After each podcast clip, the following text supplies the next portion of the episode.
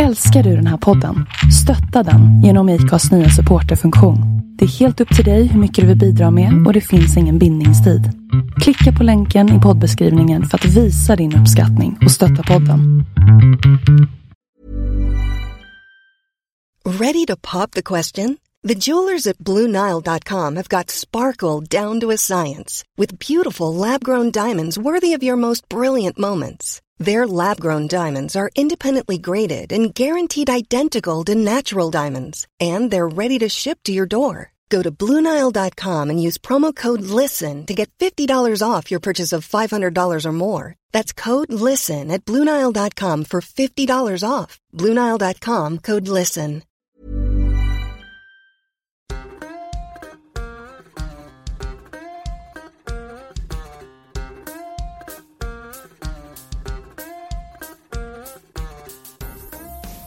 Ni som lyssnar på den här podden och som kanske känner mig, ni vet att jag är inte jätteblyg.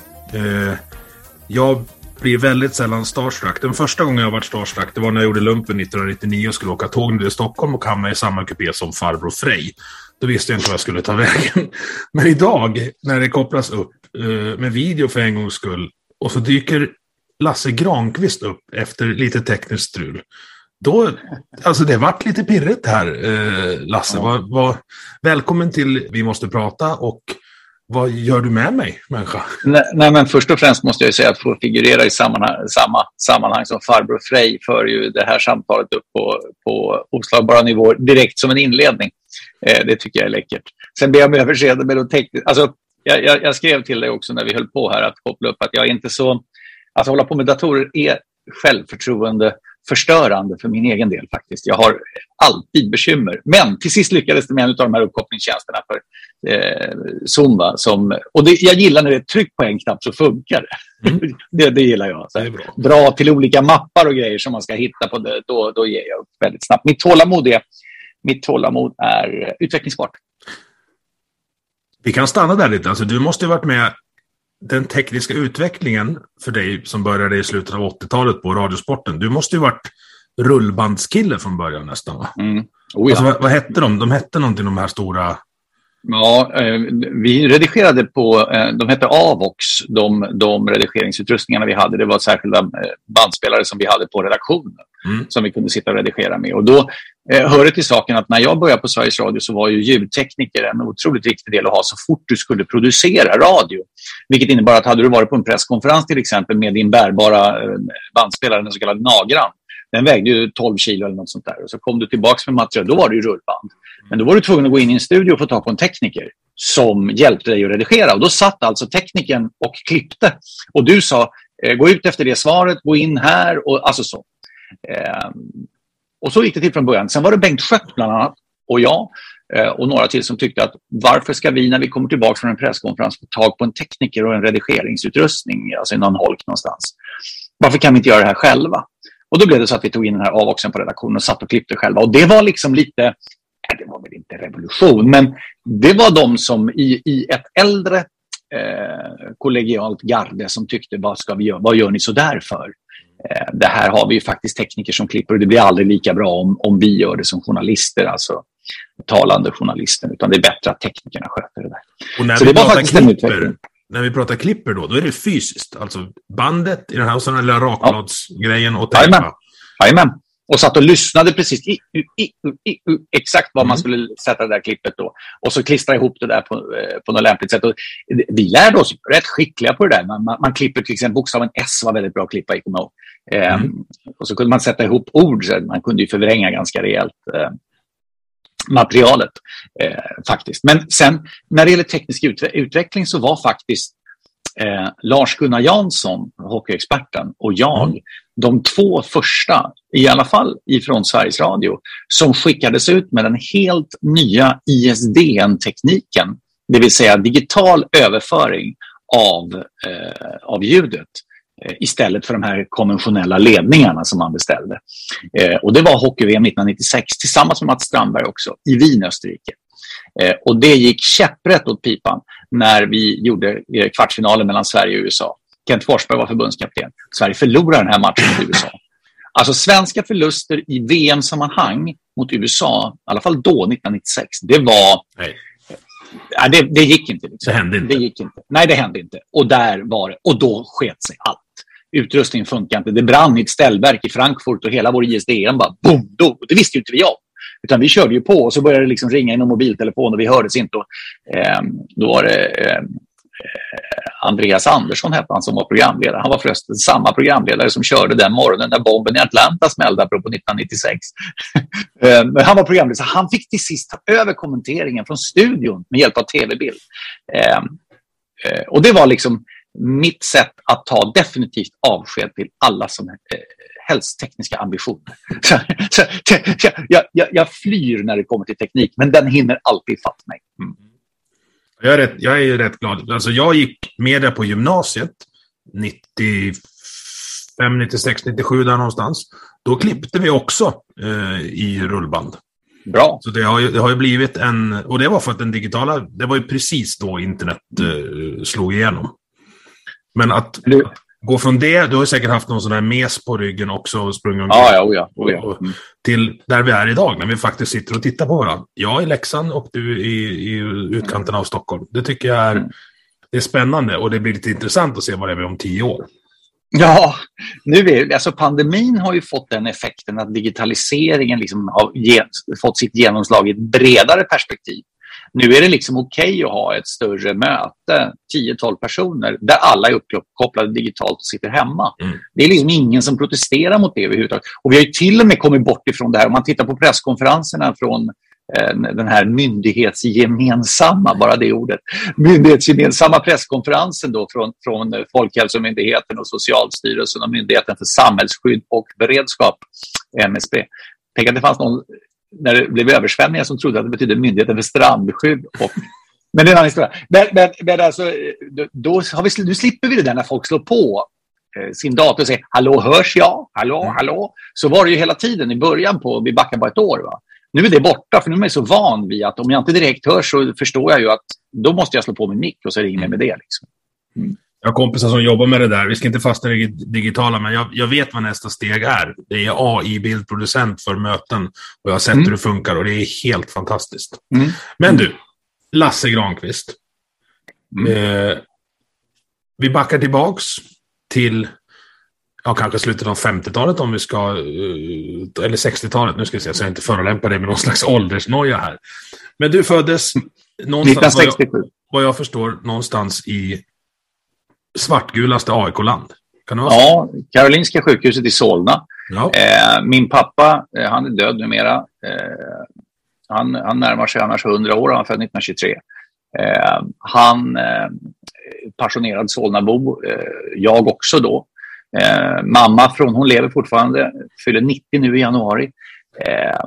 Hon lever fortfarande, jag säger peppa peppa ta i trä för det är mycket in och ut på sjukhus. Men ehm, det var, hon var, var Vasastan-tjej, eh, men, men eh, Solna väldigt starkt förankrat för min del. Under, mm. under, jag bodde mina 45 första levnadsår i Solna.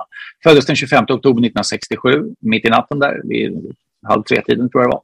Eh, och bodde som sagt länge kvar i Solna på olika adresser. Och eh, flyttade nu där jag bor nu. Jag bor ute i östra delen av Stockholm, Gustavsberg, som ju tillhör Värmdö kommun. Vill jag vara lite märkvärdig så jag bor på Värmdö, för det är mm. liksom eh, lite, åh, jaha, där är det ju. Men eh, Gustavsberg är ju centralorten egentligen. Det första som händer när du kommer till Värmdö kommun och passerar kommungränsen, då kommer du till att få välja på Ingarö eller Gustavsberg när du är på väg.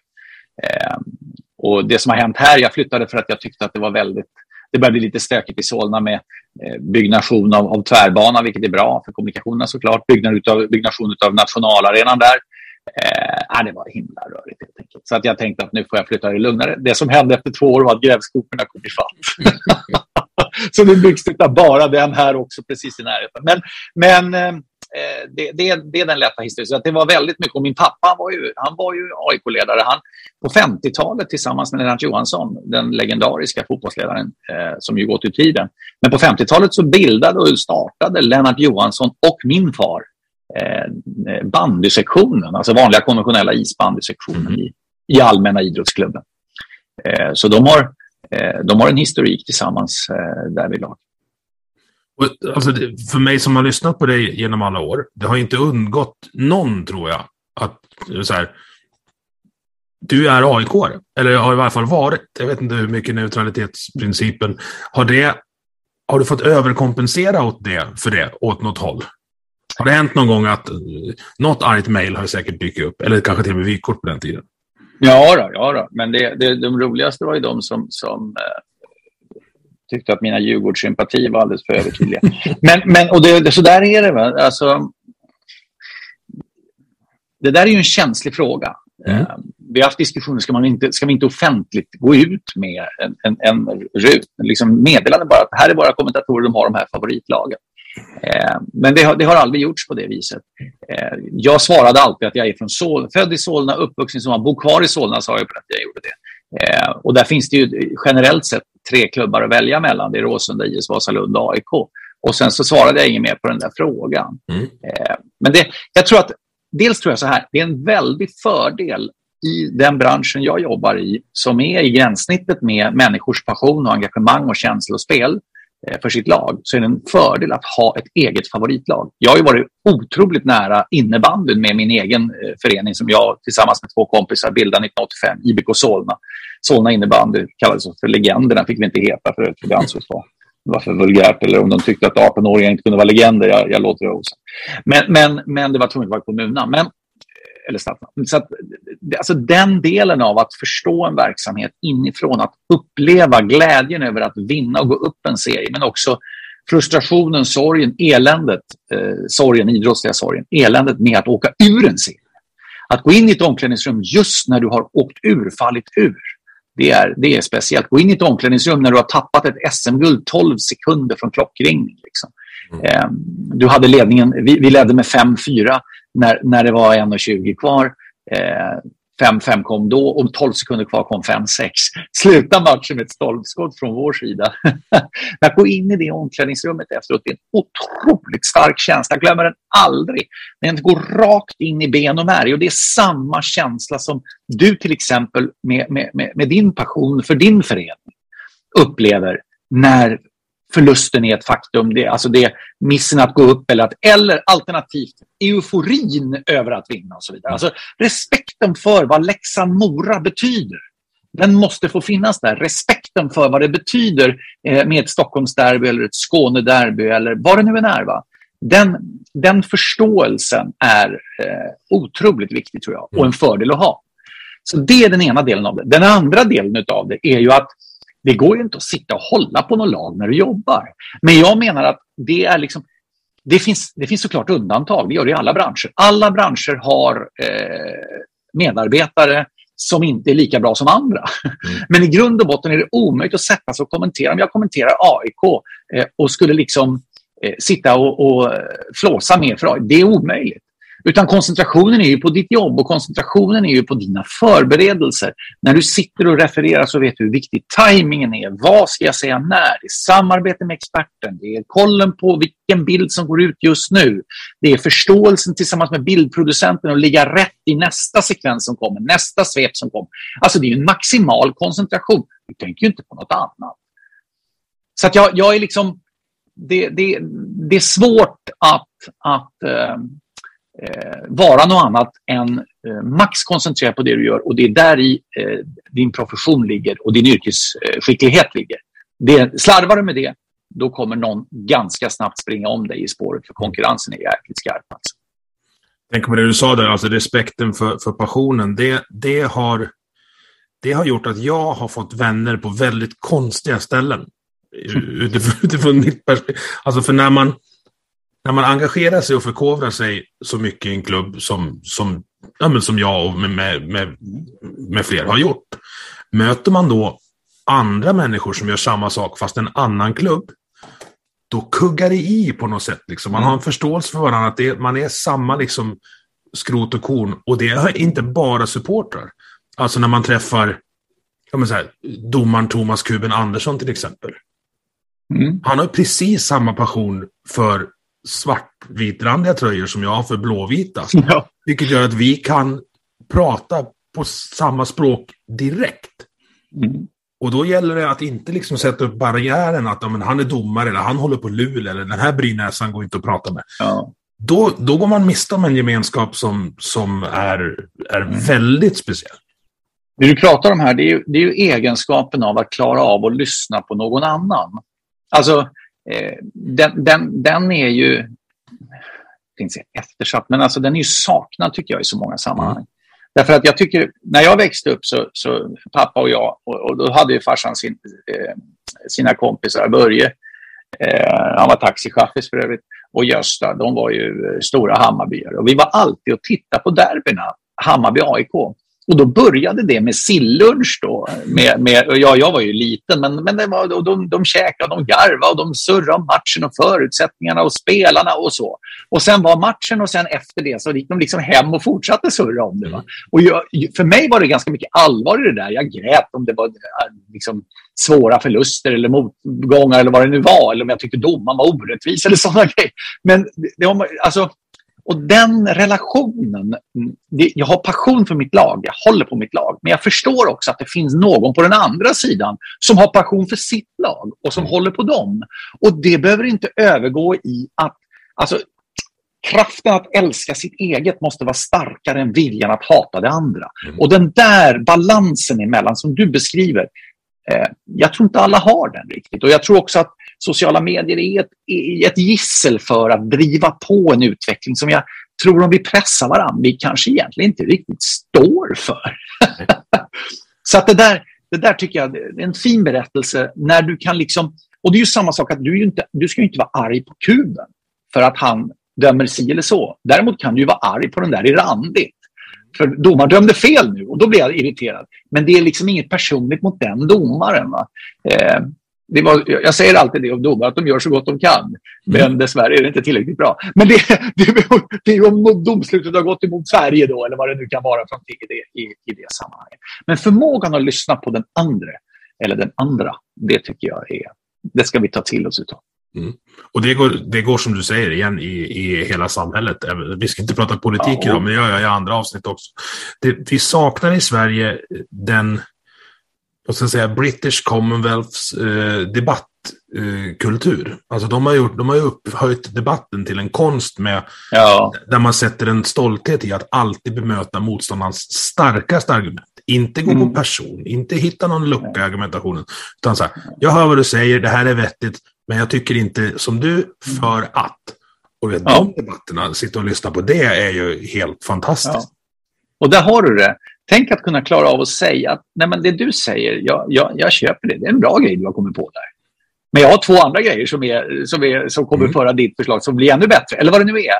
Men just den där respekten för att man faktiskt kan tycka att någon annan... Och jag menar, tittar du på politiken så kan det ju omöjligtvis vara så att allt som den andra sidan säger är fel. Jag menar, det är ju inte sant. Det är, det är ju inte sant. Utan, utan, det måste finnas någonting. Sen kan jag utveckla det. Det kan bli ännu bättre. Det du föreslår är inte tillräckligt och, det, och så vidare. Men just förmågan att kunna säga till någon annan att Nej, men det, det ligger en hel del i det du säger. Och just i politiken, den, den, att, att förstå att de flesta vill nog att så många människor ska ha det så bra som möjligt. Alltså det, ja. De har bara olika verktyg och ja. framförallt kanske tidsaspekter. Ja. Men du, vi släpper politiken. Vi låter dem sköta det. Det får bli något annat avsnitt när jag har någon sån med. Ja. Vi röstar ju vart fjärde år trots allt, så vi har ju ja. faktiskt möjlighet att påverka. Ja. Från vad ska vi kalla det, grusplanerna i Solna och sillunchen med pappa, så mm. hamnade du, om jag inte missminner mig, 1988 på Radiosporten. Helt rätt. Men om vi backar till 83, alltså vad hände, vad var upploppsrakan liksom innan Radiosporten? Vad gjorde du då? Hur var du upptäckt? Och, eller hur bestämde du för att det är det här jag vill göra? Eh, jag har inte hittat jag... någonstans. Jag har kollat alla intervjuer jag hittat. Men... Ja, nej men jag var ju jag var ju som, som ung, eh, alltså jag tyckte just den här rätten att få, eh, att få visa känslor, passion, engagemang, närhet. Eh, när jag satt och tittade på idrottsevenemang själv och förde protokoll, så här, hockeyprotokoll när utvisningarna kom och varför och så vidare. Och på den tiden var det ju, då fanns det ju inte ens en klocka i bild. den kom ju så här var femte minut eller något sånt där, eller var tionde minut. Liksom. När man hade spelat halva första perioden kom det en, en skraltig klocka i grafiken. Liksom. Så det var ju mycket svårare med, med, med, med, att hålla koll. Och jag minns att jag tyckte radion alltid hade mer information. Lasse Kink gav alltid mer information. Det var utvisning på Thomas Sandström för, för, för hakning efter 7.27 och då kunde jag skriva in det när jag själv satte före protokoll. Men vad framförallt radioreferatet hade, det var den här närheten som jag inte fick i tv. Därför att den svenska tv kommenteringstraditionen är ju att du ska inte vara för uppspelt eller för nära eller för högljudd utan du, det finns liksom en spärr på det. Jag minns, eh, det har jag sagt flera gånger, men den här eh, matchen mellan Sverige och dåvarande Tjeckoslovakien i hockey-VM när Sverige hämtade upp 0-3 till 3-3. Och det var så tråkigt att möta Tjeckoslovakien för tog de ledningen förlorade de aldrig. Eller tappade aldrig, för de var så de, otroligt skickliga på att försvara sig. Parkerade bussen, så att säga. Den tjeckoslovakiska megadefensiven. Eh, och, och, det gick inte. Eh, och de fick eh, filma tyckte, tyckte vi svenskar nog och, och, fick med sig domare och vi fick inte till mycket utvisningar med oss och så vidare. Eh, och då hämtade Sverige, Håkan Loob gjorde alla tre målen tror jag, igen matchen. Eh, 0-3 till 3-3 i hockey-VM. Hockey-VM var oerhört stort på den tiden.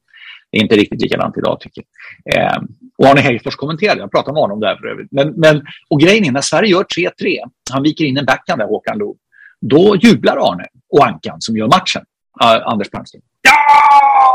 Tre, tre, ja, så här. Så. Och eh, det var ju ingenting mot hur vi jublade som satt och kollade framför tvn. Jag minns att jag flög upp. så Jag hade satt och lyssnade på radioreferatet nämligen med stora lurar. Så det här tv-kommenteringen har jag hört efteråt. Men liksom det bara rasade av alla sladdar och grejer. Bara liksom, och, och, och, eh, pappa och jag stod med armarna i vädret. Liksom. Och, och det, var, det var eufori på något vis. Va? Men det Arne då säger när de släpper pucken igen eh, efter det där 3-3 målet, det blev för övrigt 3-3, fick sluta på den tiden. Det är eh, förlåt, jag, jag, jag, jag ber om ursäkt, förlåt att jag eh, vrålade, eller om man sa jublade, men jag blev så glad, säger han. Och för mig är det liksom att när du har ett sånt filter mellan dig själv, yrket och den som tittar, då blir det liksom, men, men, men får vi inte vara glada? Liksom? Mm. Och det är den svenska sport-tv-kommenteringstraditionen. Det finns de som tycker att de bästa kommentatorerna är de som är tysta. Mm. Okej, okay, då kan man fundera, ja, vad gör de där? Alltså, då, då, då, det blir ju det blir en omöjlig grej. Va? Så att, och då tycker jag det är förklaringen för mig att det blev radio. Jag lyssnade intensivt mycket på Radiosporten. Hade med mig, på den tiden var ju det, det som idag är en iPhone eller en motsvarande telefon, Samsung eller vad du har, i storlek. Det var ju transistorradio på den tiden. Mm. Och man hade en transistorradio så då fick man dra upp antennen för att det skulle höras ordentligt. Och så hade man en snäcka i, i, i örat då, en ful, stor, grå snäcka. Eh, och det där hade jag, gick jag på bio exempelvis Eh, så ville jag lyssna på Radiosporten för de sände varje dag, 21.00 hade Radiosport sändning. TV sände två gånger i veckan bara nyhetsprogram för sport, torsdag och heter Sportnytt och söndag det heter Sportspegeln, gör det fortfarande. Eh, men radion var varje dag klockan 21.00 och jag ville höra varje sändning. Jag blev, det blev liksom som en relation mellan mig och alla som jobbade på Radiosporten. Så jag var jag på bio, eh, så 19 och filmen skulle ta slut kvart. Ändå klockan nio så åkte den där, från innerfickan åkte den där lilla, försökte jag smuggla in den där lilla proppen i örat och dra upp antennen och höra sändningen. Liksom. För det var en del av det var en del av mig helt enkelt. Och det gav mig så oerhört mycket. Jag kommer ihåg söndagarna när Radiosporten, då fick de inte sända hockey annat än från två matcher av de fem som var i elitserien som det på den tiden. Mm. Och när de började sända klockan, eh, klockan 18, var det, 17 var det, var, var det start, då var det lokalradio en timme, 18 började riksprogrammet. Och då visste man inte vilka två matcher kommer att väljas nu då. Mm. liksom. Och då satt de och valde de som var jämnast oftast. Och då fick jag inte höra Kjellmar Oterbjörk från Björklöven AIK därför att det var mycket jämnare mellan Leksand och Brynäs. Så då valde de den och så valde de då Färjestad-Djurgården. Liksom. De andra var det bara resultatservice ifrån. Aha. Och sen kom slutrapporten från de andra. För avtalet var sånt mellan, mellan Svensk ishockey och Sveriges Radio. Det var direktsändning varje omgång, men bara från två matcher. Och dessutom en, en maxtid som du fick sända från matchen, jag tror det var 15 minuter. Och det var något slags, du... något slags uh, sätt att då fortsätta locka folk till matcherna. För det problemet ja, har vi ju nu ja, också. Ni, ni, på Simor är ju så jävla bra på sända hockey. Så ja. Borlänge, Falun, kunna ja. stanna hemma på tisdagar. Det... Ja, men det, men det har också den där grejen med att varför det aldrig blev direktsändning av fotbollsmatcher i tv när, när den diskussionen kom. Därför att man menar på att sänds det i tv kommer folk stanna hemma. Då ska man liksom få mm. dem att gå på matchen. Liksom, precis samma resonemang som du hade där. Men, men så det var liksom min väg in till... Och då, då, då ringde jag ju till Sveriges Radio eh, och frågade hur man skulle kunna göra för att få jobb där. Jag pratade med Björn Fagerlind som numera är pensionerad. Men han eh, har ju varit mångårig alpin reporter på Sveriges eh, Television. Men också redaktionssekreterare, det vill säga redaktionssekreterare var den journalistiska chefstjänsten kan man säga. Eh, redaktionssekreterare låter som något annat kanske, men det var den journalistiska chefstjänsten och det var han på Radiosporten. Och han svarade och sa att det går journalisthögskolan. Så jag sökte dit eh, och efter gymnasiet och en termin i engelska kom jag in på journalisthögskolan. Eh, och då hör det till historien att på den tiden var journalisthögskolans utbildning fyra terminer, alltså bara två år. Den tredje terminen, i mitt fall januari 1988 till maj 1988, det var en så kallad praktiktermin. Och det fanns en plats på Radiosporten och jag lyckades eh, komma in på den och eh, klev in genom dörrarna i, i eh, hangaren på Sveriges Radio på Oxenstiernsgatan den 16 januari 1988 och på den vägen är det. ja, jag blir inte tagen av, av storyn. Just det här med... Den var lång. nej, men att det bara fanns en plats. Alltså hur, hur slog du dig till den? För det lär ha varit fler sökande. Nej, alltså så här var det på Journalisthögskolan på den tiden. Den var, den var väldigt röd i grund och botten. Och då tänker jag inte bara på politisk åskådning utan även på hela innanmätet var målat i rött mer eller mindre. Allting som gick att måla på något sätt var rött. Eh, eh och, och, sport, alltså kultur var högt hållet. Sport mm. var inte det. Så att det var en sensation det året därför att Radiosporten ställde ofta upp och gav eh, praktikutrymme. Det var många som, eh, som har gått den vägen som är radio och tv-sportare. Eh, men, men, men just det året var det två som sökte. Nämligen Janne Ottosson i Göteborg och jag som sökte den där praktikplatsen och ville ha den. Och det blev faktiskt ren lottning oss två emellan. Vem som, vem som, och det har jag, jag tror jag har haft, berättat i sporthuset vid något tillfälle, men hon som hade eh, ordning och reda-funktionen på Journalisthögskolan heter Karin Karlsson. Eh, hon löste alla frågor. Eh, och jag, jag det, vi, hade, vi hade en som försnilla Stålar som kassör i journalist eh, i, i, i, kår, i kårkassan där, i, i, i Journalistförbundets kårkassa. Eh, 40 000 spänn, vi tjackade en bil och han erkände det och det var ett himla liv. Och det, jag kan säga det att är det någonstans det är upprördhet över alla gränser. Alltså, du vet, rulla i tjära, doppa i fjädrar och liksom, det är Brunkebergs torg. Liksom. Alltså, det är stämning som, som, som, som när, när Dal, Dal, Dalarna fick rädda Sverige. Va? när Gustav Vasa. Det var, alltså, det var blodbad. Liksom. Det är när någon försnillar pengar ur kårkassan för journalister, journaliststudenter. Och då var jag revisor på den tiden. Och det blev ett jäkla liv om det där och polisanmälan och allt vad det nu var. Och eh, när det var över så, och han erkände och han betalade tillbaka allt vad det nu var, eh, var en kille nämligen, då, då eh, blev jag kassör i, eh, i, i kåren, ja, journalistkåren, alltså eh, vad heter det, studentkåren helt enkelt. Ja, visst, eh, kassör. Och det, vi, hade ju, vi häftade ju i skuld. Han, hade, han erkände ju och betalade tillbaka, men det var en avbetalningsplan som fortfarande pågår. Stålarna kommer tillbaka nu. Det var, det var på 80-talet. Så att det jag gjorde då var faktiskt tillsammans med, eh, med du vet, Lottie Knutsson som man sett i tv, hon är knuten till och sånt där. Hon var då eh, eh, stark person i, i styrelsen för kåren. Och eh, vad hette ordförande? Marie? Ja, strunt samma vi, vi sa så här, nej, nu ordnar vi, nu är det slut med rabatterade priser. Vi, dels har vi en, vi, vi ökar eh, när, närhet mellan festerna. Det ska vara mycket tätare med, med fester, för det var ju väldigt populärt. Och sen så tar jag, jag helt enkelt tog, vi tar bort, det blir ingen rabatterat pris, utan vi dubblar priset istället. De går inte ut och köper egen bil. Utan så var det, så öl och vin och så vidare fick de betala. Och så på, på hösten där hade vi sett till att dra in de där pengarna vi häftade i skuld. Så det var, det var väldigt framgångsrikt som kassör. Och detta gillar Karin Karlsson. Ja, hon tyckte det var ordning och reda på mig. Och du vet, alla som inte ska pröjsa medlemskapet. En av de mest skickliga retorikerna jag mött, stött på. Han pröjsade aldrig medlemskapet. Och när, när jag satt, på, satt jag och väntade på morgonen att alla skulle komma så att jag kunde springa ut med inbetalningskortet. Det var hundra spänn tror jag. Men han smet en annan väg hela tiden. Men jag genomskådade det. Vet du. Så att jag lyckades ju driva in samtliga. Det tog bara två veckor så hade alla betalat. Och då, då fick jag en applåd av Karin. Hon sa att du, du har koll på det här. Du är ordning på det. Så det som hände var att när Jan Ottosson i Göteborg och jag båda sökte till den här platsen eh, som var en praktiktermin på Radiosporten i Stockholm eh, så sa Karin Karlsson det att så här är det. Det är två stycken som söker och det kommer att bli lottning och den förrättar jag. Men, och hon kallade in mig på rummet och hade Jan Ottosson i luren och så sa hon eh, vem vill gå ut sånt till mig. Och eh, eh, la på till Ottosson och sen så eh, gick hon ut och kallade in mig igen och sa grattis du vann eh, lottningen. Och huruvida hon verkligen lottade och jag hade sån tur så att jag vann på den här 50-50-lotten eller inte, eh, det vet jag inte men jag, jag, fick för mig i alla fall att jag, jag, jag tyckte att det var lite märkligt förfarande att lotta på det där viset. Men Janne Ottosson han tog, tog eh, lott, lottningsförlusten med jämnmod och har efteråt hört av sig till mig och sagt att det var en jäkla tur att du vann den där lottdragningen. För att eh, du har hamnat på rätt ställe. Ja, för han hamnade där också till slut. Ja, han eh, i Göteborg. Han, han utgick från Göteborg, Janne Ottosson. Eh, men jag tappar kontakten med honom. Jag vet inte vad han gör nu. Jag, tror, jag undrar om han är i journalistsvängen.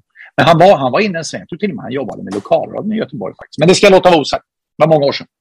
Hur var det att komma in på Radiosporten då? Eh, tredje terminen. Det fanns ju, vad ska vi kalla dem? Det var ju kungligheter som, som satt där inne. Ja. Det var ju inga smågrabbar va? Nej, det var, det var... Tom Engström hade just slutat som chef. Pelle Josefsson hade tagit över. Han var ju egentligen den som skötte administrationen när Tommy var där. För att eh, Engström brann ju mera för, för eh, journalistiken och diskussionerna och samtalen mer än att han gick på chefsmöten i huset. Liksom, det tyckte jag. Men där var Ove Eriksson och Mats Strandberg. Eh, där var ju Lasse Kink. Eh, Roger Burman var där på den tiden. Eh, Peter Eng, alltså Peppe Eng.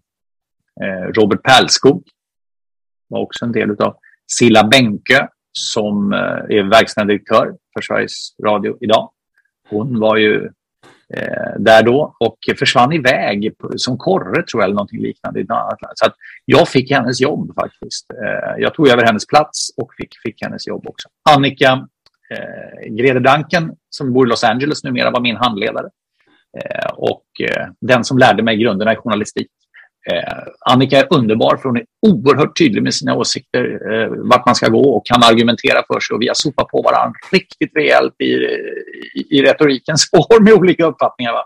Men hon har lärt mig väldigt mycket. Så jag är tacksam för, för hennes eh, del utav, eh, utav eh, alltså att formas till journalist.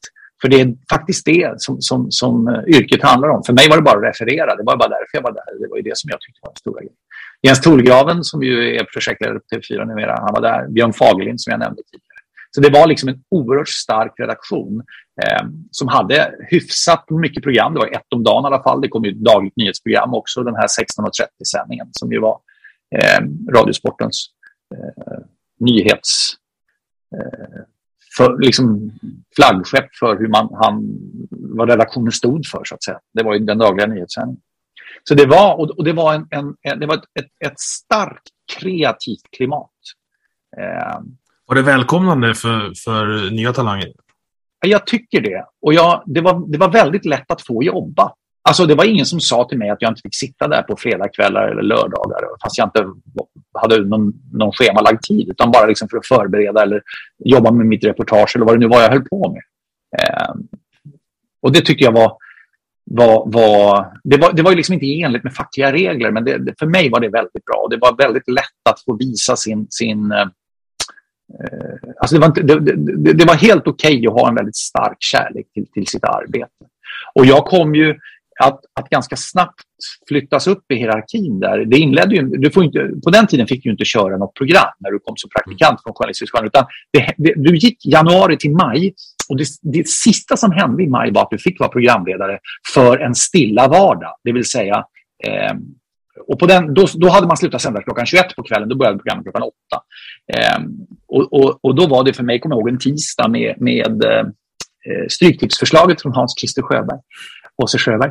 Eh, med hans underbara uttal. En sån distingerad gentleman som dessvärre cancern tog honom. Men, men äh, det var som fröjd när han kom in med sin oerhört lugna eh, och stillsamma P1-mässiga, eller P2-mässiga till och med, gestalt.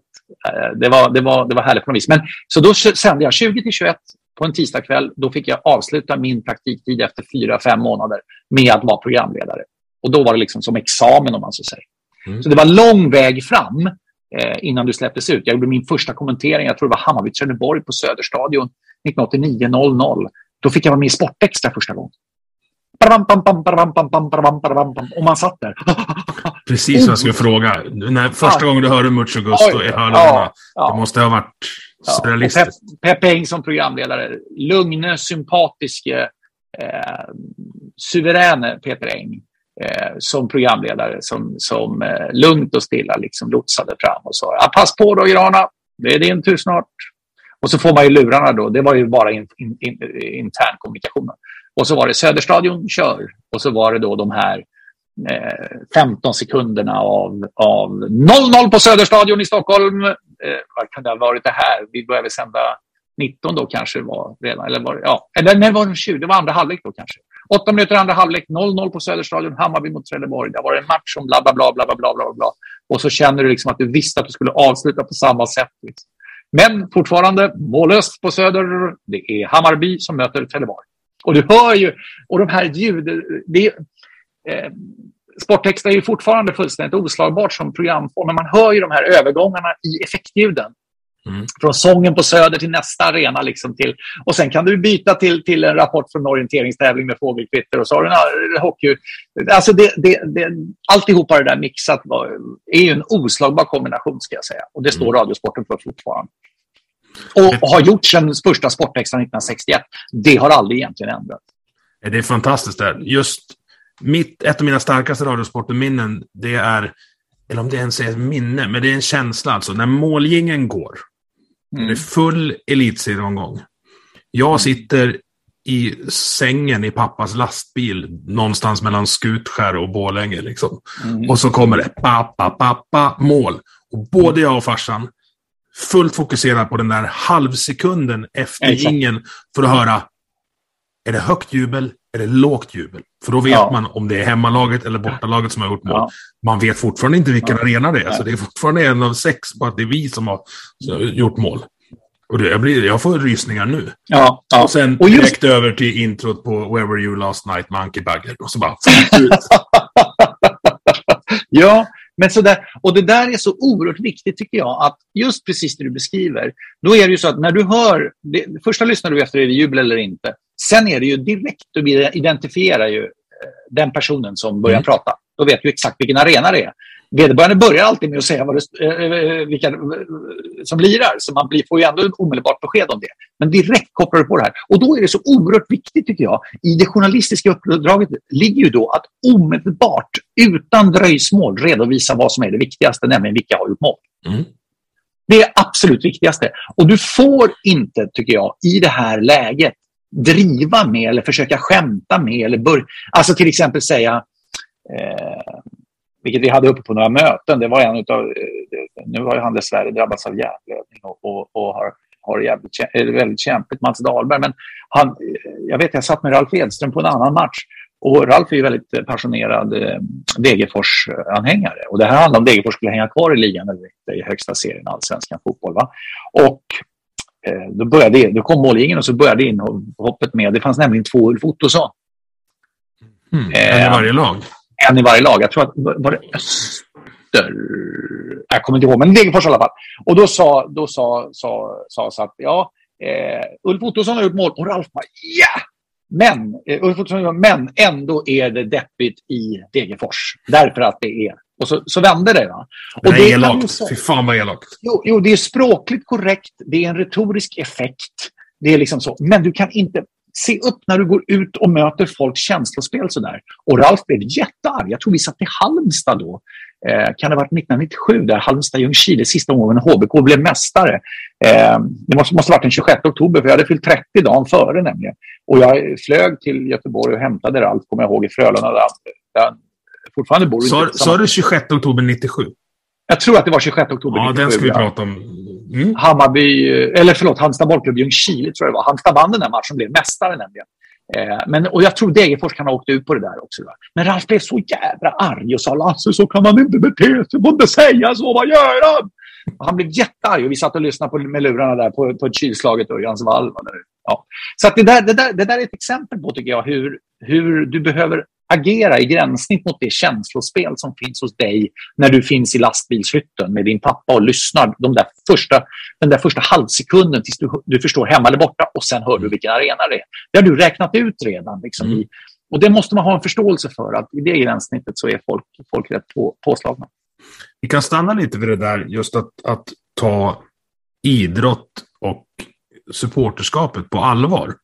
Mm. För det upplever jag att det, det har Radiosporten, då, förutom Ulf Ottosson-incidenterna kanske. Men det gör man ju. Och det ja. gör man ju för att det är ju fan på allvar. Ja, det är det. Vad, vad tror du den, alltså vilken, om vi ska bli filosofiska, eh, alltså vilken funktion är det det fyller i den mänskliga gemenskapen? Jag vet inte vilken radiosport det är, men idrotten gör det i en enormt hög utsträckning. I en enormt hög utsträckning. Och det, det här är ju liksom... Eh, det här, vi, vi växer ju in i det här. Vi, vi, vi gör det genom, genom eh, relationen till våra föräldrar som kan ha det här. Vi, vi har det i våra syskonskaror, vi har det i skolan. Vi har liksom det hela tiden vägen fram i att du får en, en, en, en tillhörighet eh, i idrotten. Och du får en tillhörighet i att du själv också har en möjlighet att vara med och idrotta. Det är jag, nu, nu skulle vi inte prata politik, men jag är, jag är, jag är förfärad över att barn och ungdomar drabbas av de får inte åka på sina kupper, de får inte spela i... i och, jag förstår att det är med smittspridning och alltihopa, men det, det måste vara den absolut sista åtgärden. Mm. Eh, det får inte vara så att vi tappar en hel generation på grund av den här förbaskade pandemisituationen vi har. Eh, och det är så mycket som händer. Barn och ungdomar som inte får hålla på med sitt idrottande, som kanske slutar, som kanske aldrig kommer tillbaka.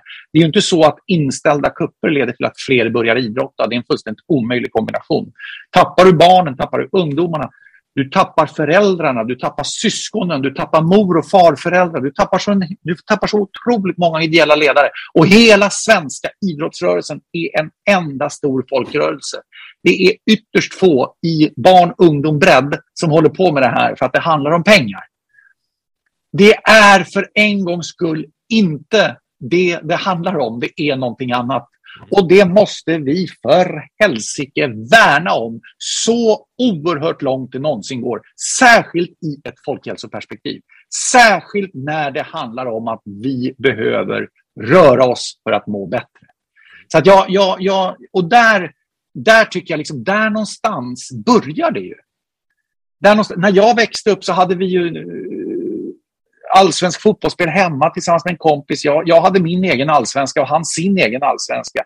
Och då hette det Ralf Edström Cup, hette det där spelet. Det var en grön filtmatta med elva plastgubbar på. Som var ett loppspel. Va? Elva röda, elva blå och så möttes de. Och då var det med, med sportextra signatur och jag hade haft mina laguttagningar av hela serien och han var programledare.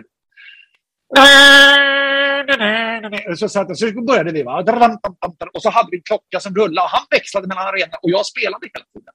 Men jag spelade och gjorde mål åt båda håll hela tiden, vilket innebar att det var när han bytte arena som det helt plötsligt kunde vara. Och ibland var det mycket folk och jubel och han lät jublet ligga och då var han publik själv. och jag hos honom. Så höll vi på. Alltså, det där, där är ju radiosporten. Där är ju liksom... Eh, och, och det här är ju ett öppet spelfält att omfamna. Idag ser rättighetssidan helt annorlunda ut. Vi har liksom uppdrivna rättighetsersättningar i de högsta ligorna, i de mest populära lagidrotterna. Det är liksom, allting sänds, du kommer mycket närmare, det, det ser så annorlunda ut. Men gränssnittet är ju fortfarande detsamma. Gränssnittet är fortfarande detsamma. Det är underbart att gå ut och se hur spontanidrotten helt plötsligt åker nu har vi ju minusgrader i Stockholm. Varför rullar inte kommunen ut med varenda tankbil de har och bara gör isplättar överallt? Ut och kör! Förra året smälte de isarna i Stockholm. Alltså det är så fullt, därför att de skulle hindra folk, för då var det förbjudet, hade man ju lagt ner, man får inte mötas överhuvudtaget, vi skulle hålla oss hemma. Men det är så fullständigt, Emil, det är åt, får jag svära? Ja. Det är åt helvete. Det är ingenting annat och så kan vi inte ha det. Det är omöjligt. Det är omöjligt. Kör! Vi det, det, alltså, ja, jag kan prata i timmar om det här, men jag tycker det är så, det är så otroligt dåligt. Men, men för att, det är det här som är kontexten där Radiosportens signatur går igång. Eller vi börjar sända hockey, eller Discovery börjar sända allsvensk fotboll, eller Chris Härenstam börjar med junior-VM-match. Alltså, det är Niklas Gides suveräna program på Viaplay. Alltså, alla är ju där. Och det är precis i det gränssnittet du ska kliva in. Och då kliver jag ju in, jag kliver ju in i ditt, jag kliver in i hjärta och själ hos dig.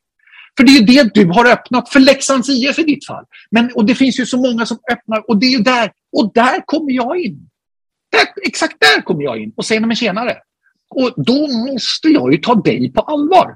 Jag måste ta dig och alla de som finns i, i, i, eh, i arenan eller som följer matchen eller som på annat. De, det är ju där.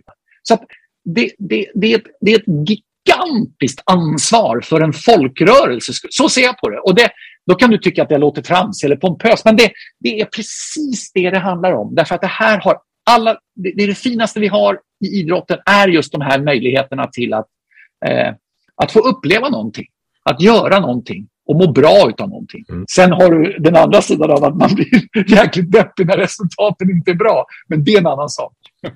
Fast även de gångerna resultaten inte blir bra. Jag är som sagt läxing. Det har gått, det har gått lite hackigt de senaste 20 åren. Uh, så har vi ju upplevt det tillsammans. Exakt. Alltså på läktare. I Exakt. lastbilar. Framför tvn. Exakt. Och det, Exakt. alltså den gemenskapen. Ja. Uh, jag är helt med Jag vet hur det var när jag, alltså jag, det var inte så jävla roligt i, i, i skolan.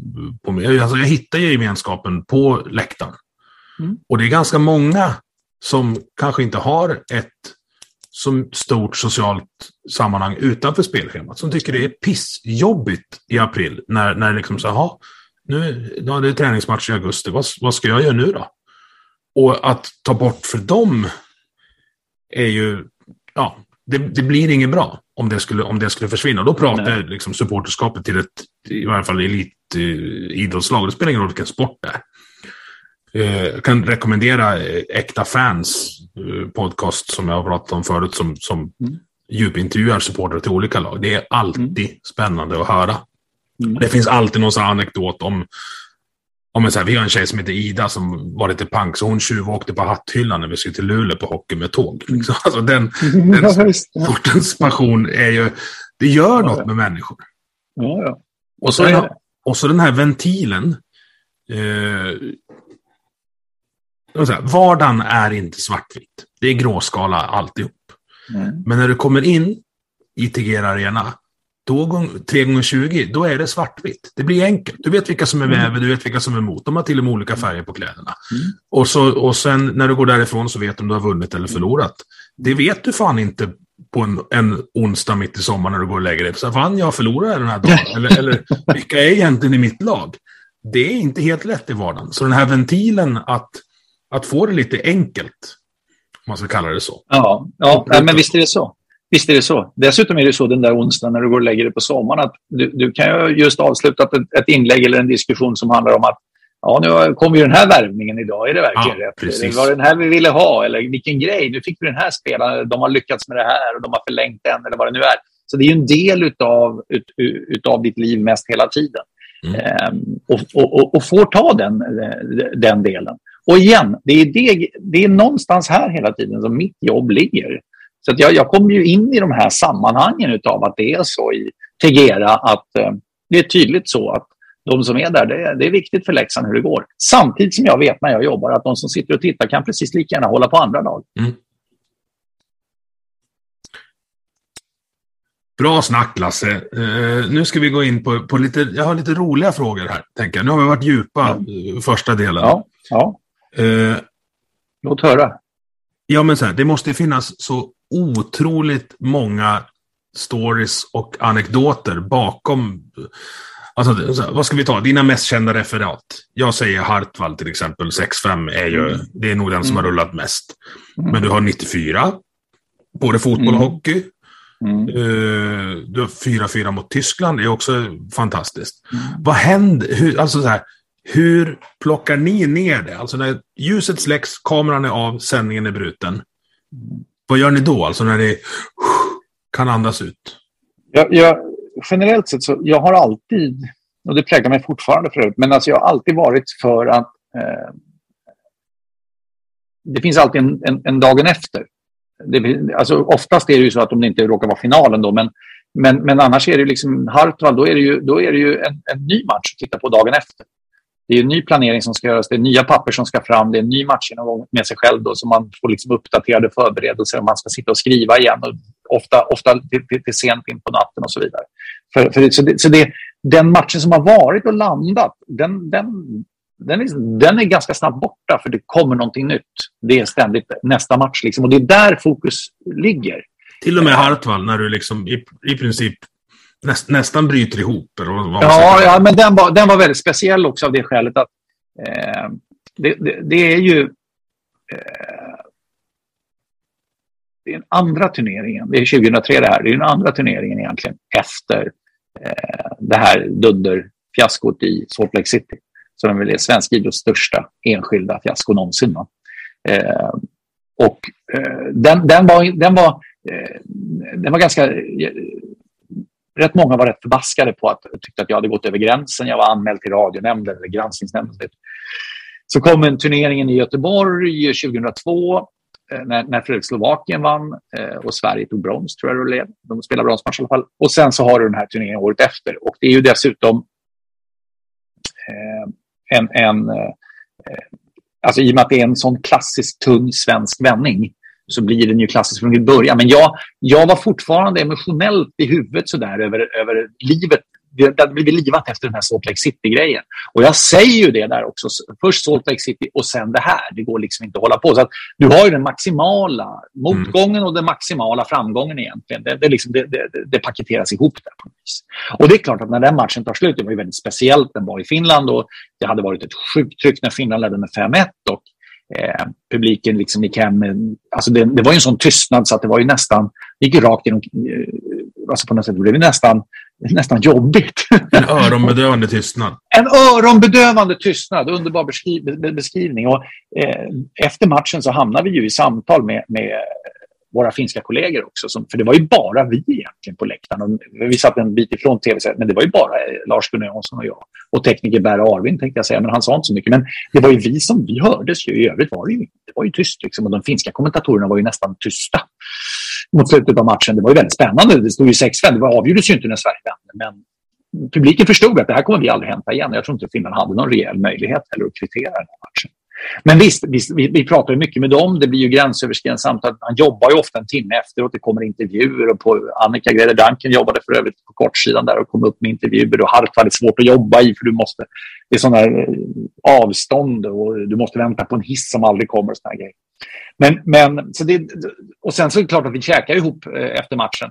Eh, om det inte är en väldigt sen match. Och då, då hinner man ju snacka, snacka ihop sig lite. Men igen, då är det nya matcher korta på. Liksom, så att, det, det, det, det, det, är det, som är, det är det som är fokus. Jag vet Kai Kunas berättade en ganska rolig episod. Kai Kunas är den finlandssvenska kommentatorn eh, för, för finlandssvenska Yle. Och eh, han refererade matchen i, eh, för, för de finlandssvenska lyssnarna i Finland. Och de håller ju alltså, ska man ju säga, fast de är finlandssvenskar, de är väldigt tydliga med sin sympati för Finland. Mm. Eh, allt som oftast. Det var en otroligt tung förlust för dem. Och han berättade om att eh, det som händer när han ska eh, lämna eh, arbetet och, och åka bort eh, därifrån, det är att han åker hissen ner. Och den, långt efter matchen så är det lättare att få tag på den där hissen. Eh, och då kommer vi från översta planet, där är kommentatorsläktaren, och så stannar hissen en våning ner. Där var tv-studion. Och en person kliver in i hissen då i matchdräkt, fast inte med skridskor på då, men i matchdräkt fortfarande, nämligen Peter Forsberg. Eh, och då hade han varit i, i tv-studion och hade bråttom ner till...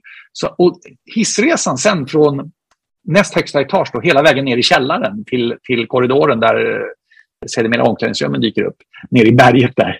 Den har alltså Kaj Kunas med Peter Forsberg. och, och Forsberg säger till honom då, jag, jag är ledsen att jag förstörde er feststämning. Han gjorde det här, 5-5 målet som kanske man inte pratar om så ofta, men från egen zon.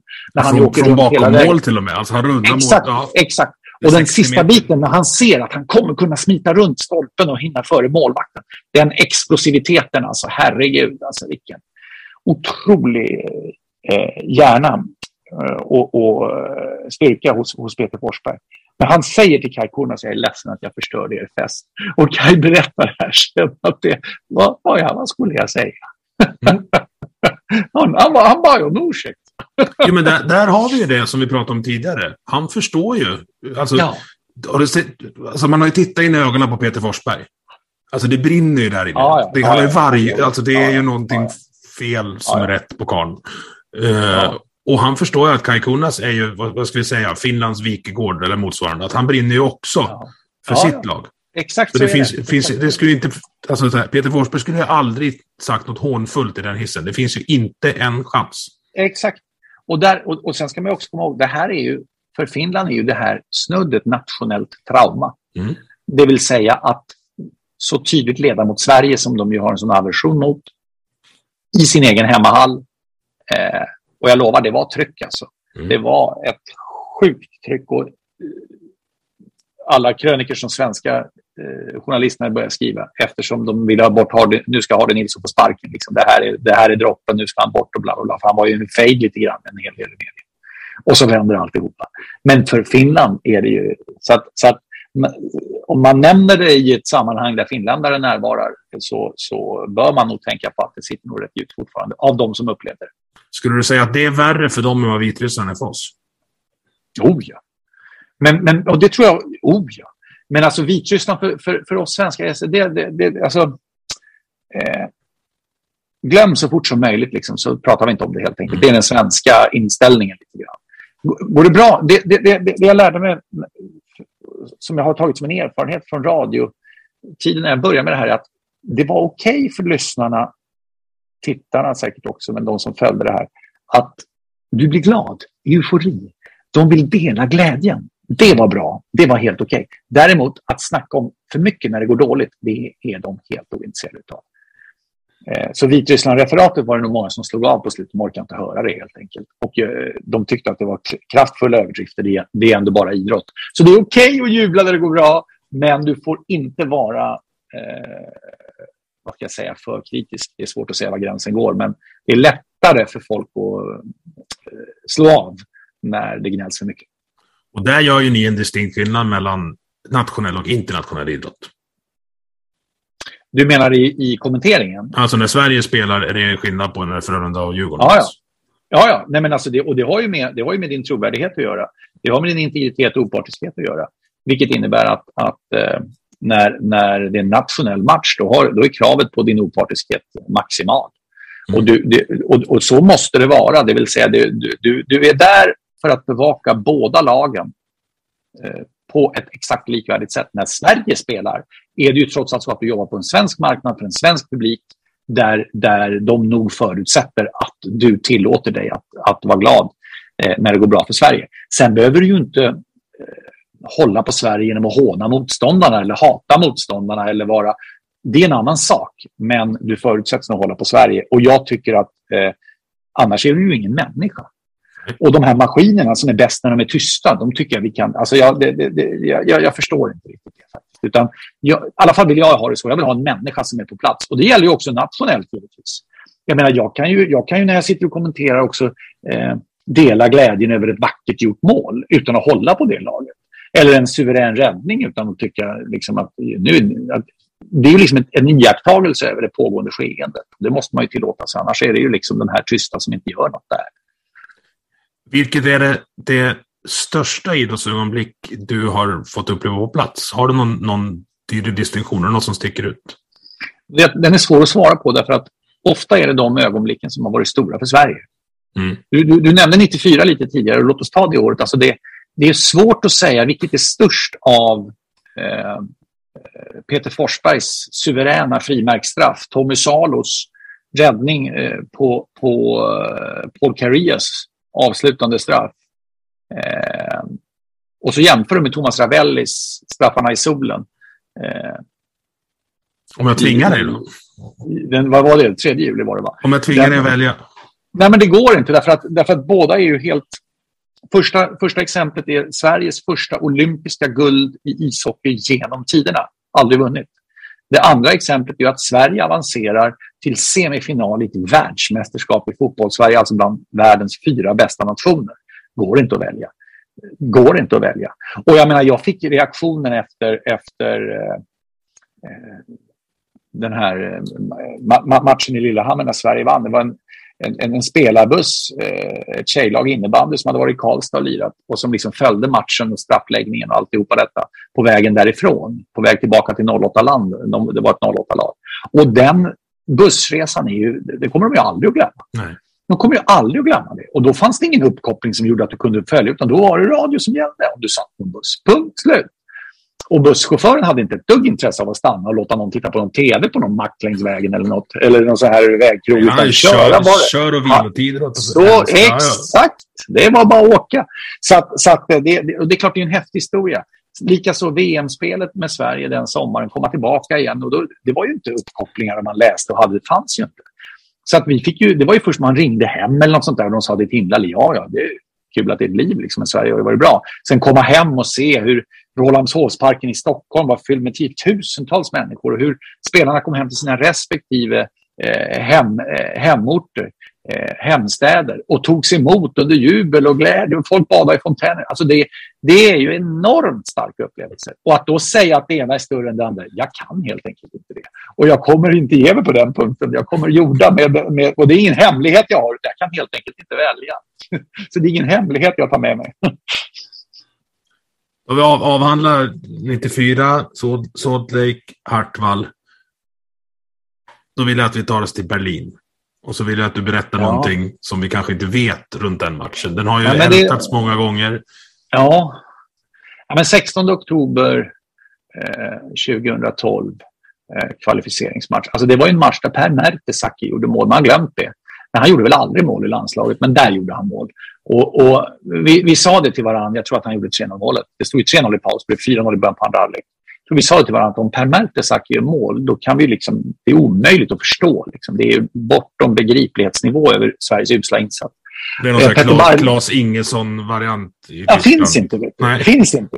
Ja, precis. Han är otroligt skicklig spelare, så det är ingenting om det. Men han gjorde ju aldrig mål. Men, men, men eh, Eh, Peter Barling och Pelle Blom var det, tror jag, som kommenterade för tv.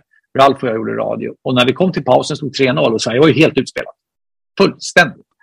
Eh, då började vi liksom i oro mellan varandra eh, försöka hitta information om de största svenska eh, VM-kvalförlusterna. För det var ju kvalificeringsmatch för VM det här. Eh, och vi, vi, vi slog och slog i böckerna liksom och ringde och vi, vi, kom liksom inte... Och då kom den här eh, Oj, oj, Göransson upp. Va? Eh, från 1950. Sverige förlorade mot Brasilien med 7-1 det där klassiska radioreferatet. Det var ju, han var ju konsul eller något sånt där tror jag. Den svenska konsul i Sao Paulo. Han ska definitivt inte kommenteras bort. Han, han kunde ju inte äta en... Han sa ju sjuan, sjuan till tian, tian, oj vad han läker, oj, oj, oj, oj, oj, oj, oj, åttan, åttan åttan till sjuan och mål! Oj, oj. Så lät referatet. Och det är klart, får du det på 90 minuter och det slutar äh, förlust va, med, med 1-7, då är det inget kul. Men det var det vi hittade, liksom, att det, vi, vi går ju mot de här siffrorna.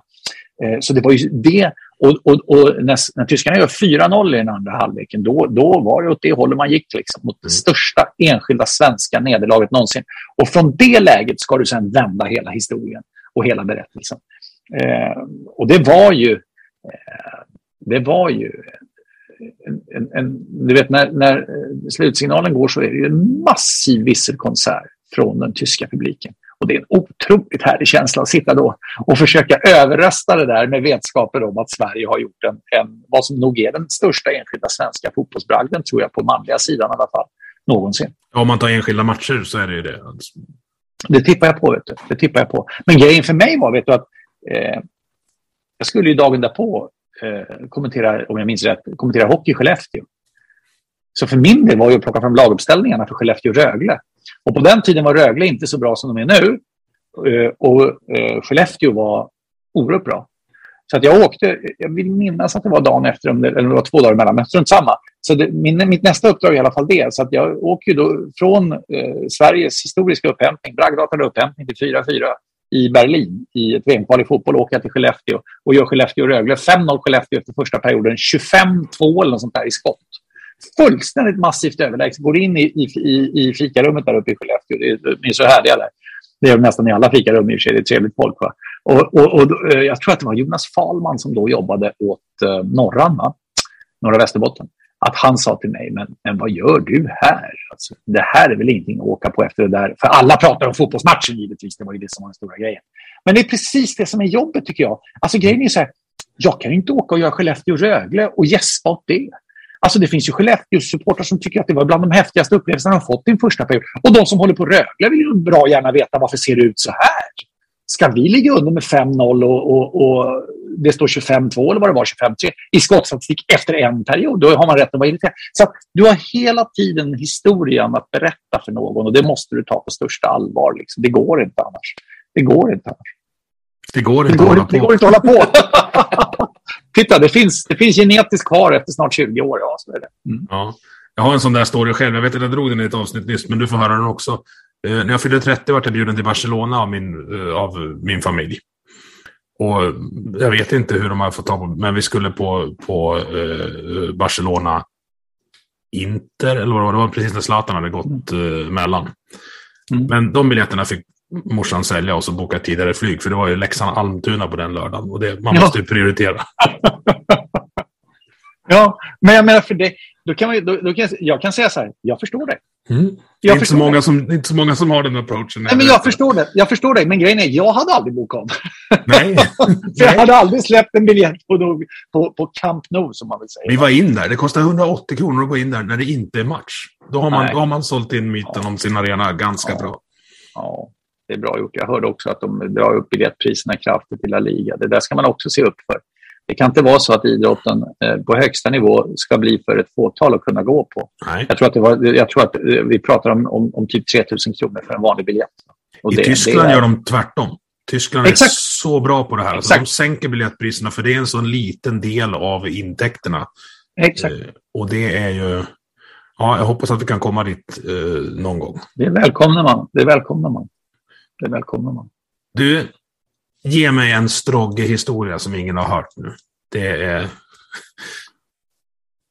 Till kan, vi kan ta Strogge-historien. Varför kallas han Strogge? Ja, han förklarade ju det. Jag kom faktiskt det är alltså Mats Strandberg vi pratar om. Mats Strandberg. Eh, på Radiosporten. När, när, du får med Tommy Åström så han är lysande på att imitera Mats. Han, han är mer lik Mats än vad Mats är själv faktiskt, bitvis. eh, och det, det, är ju strålande. Jag, jag, jag tror inte du har hört den här. Det är alltså... Eh, det fanns ju två stycken. Om man säger att Mats är excentrisk så tror jag inte jag tar i. Eh, han är ju... Är ju eh, han är, jag, jag, vidhåller det. Vi har haft det, pratat om det i podden Sporthuset. Men han är den skickligaste referenten när det gäller eh, en duell spelare mot spelare. Mm. Tänk bordtennis, tänk tennis, tänk boxning. Det är alltså en fullständigt oslagbar retorik. Alltså. Är det närvaron han, som gör att han... Eller vad, vad är det som... Han släpper inte taget om dig. Vet du. du kan inte... Sitter du och lyssnar på Davis Cowley, eller Jönsson berättar ofta han, när han jobbade i Ljungby och skulle fredag tillbaka till Stockholm, för han hade lördagen i Stockholm men han skulle ner igen på söndag. Hur han lyssnar på Davis Cup-referat med Strandberg i tennis. Och alltså, dels kunde han inte ens stanna och äta på vägen hem. Han satt i bilradion. När han kommer hem, då har han, då har han parkerat på uppfarten hemma i Saltsjöbo. Då har han ju 12 meter till tvn. Och då räknar jag verkligen hela vägen. Från bilen, via dörren, via hallen, in till 12 meter.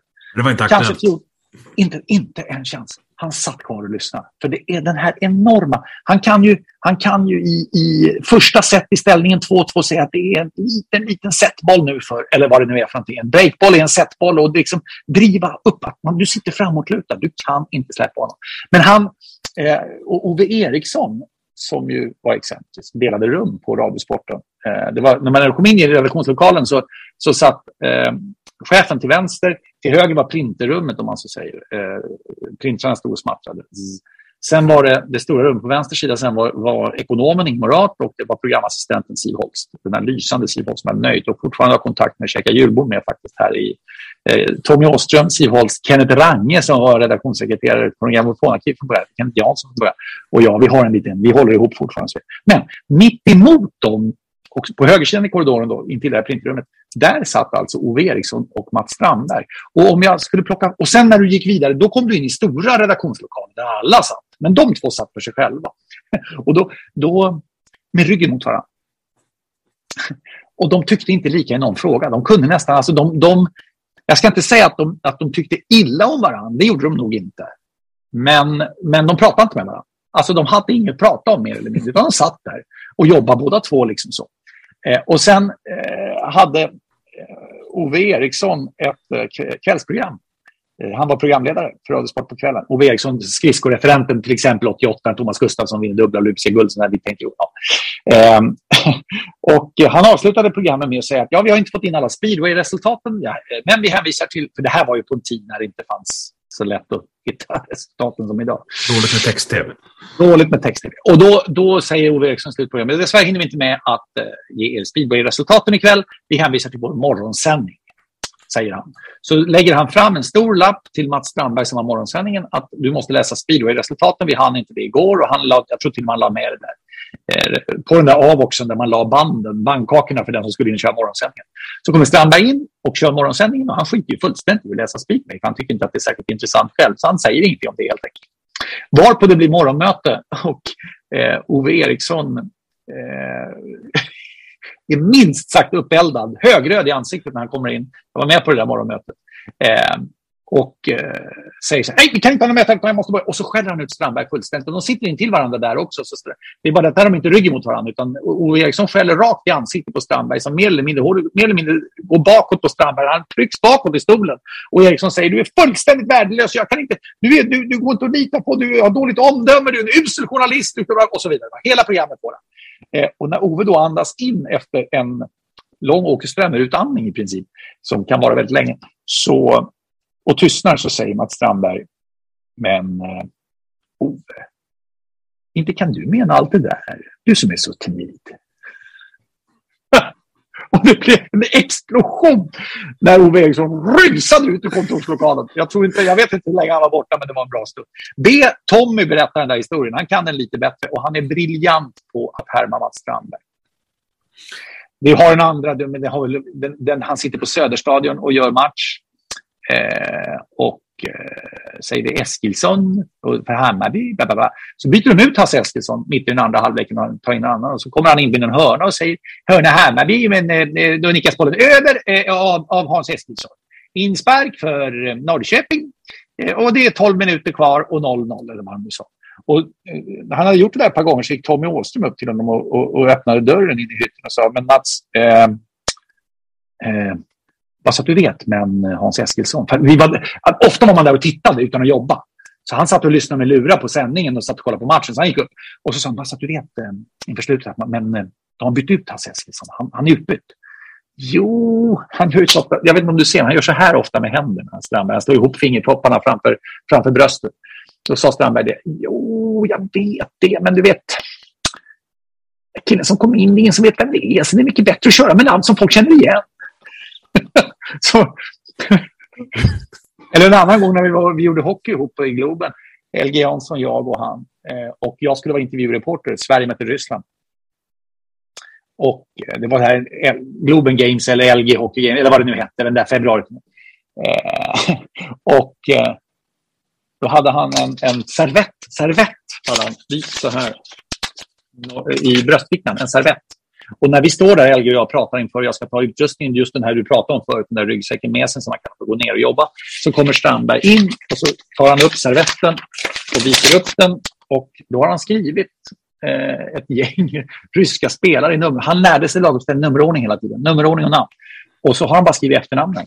Och då säger han så här, ja, idag när det gäller ryssarna, vi nöjer oss med efternamnen. Va? Så han, han var ointresserad av att ge något mer. Liksom. Nej, det finns mycket med Mats. Han, ja, ja, vi har ju behållit eh, en, en, en fin kontakt. Alltså jag, underbara fikastunder med Mats. Man ska inte, alltså det är lätt hänt att en sån, sån figur, som jag sa excentrisk om förut, någon kanske skulle säga kuf, men vi, man, man driver med honom. Men grejen är att han har otroligt mycket åsikter och synpunkter mm. om samhällsföreteelser, samtida viktiga frågor. Så när man sitter och pratar med honom så, så det ger oerhört mycket. Pandemin gjorde ju att, att han var väldigt noga. Han var ju med i sporthuset som jag nämnde tidigare, men han hade ju med sig sin egen kaffekopp och det är faktiskt sant. Eh, han ville inte komma först, men vi, det, det, var sommaren 2020 vi spelade in. Hemma hos Tommy på hans veranda. Det var en jättefin dag.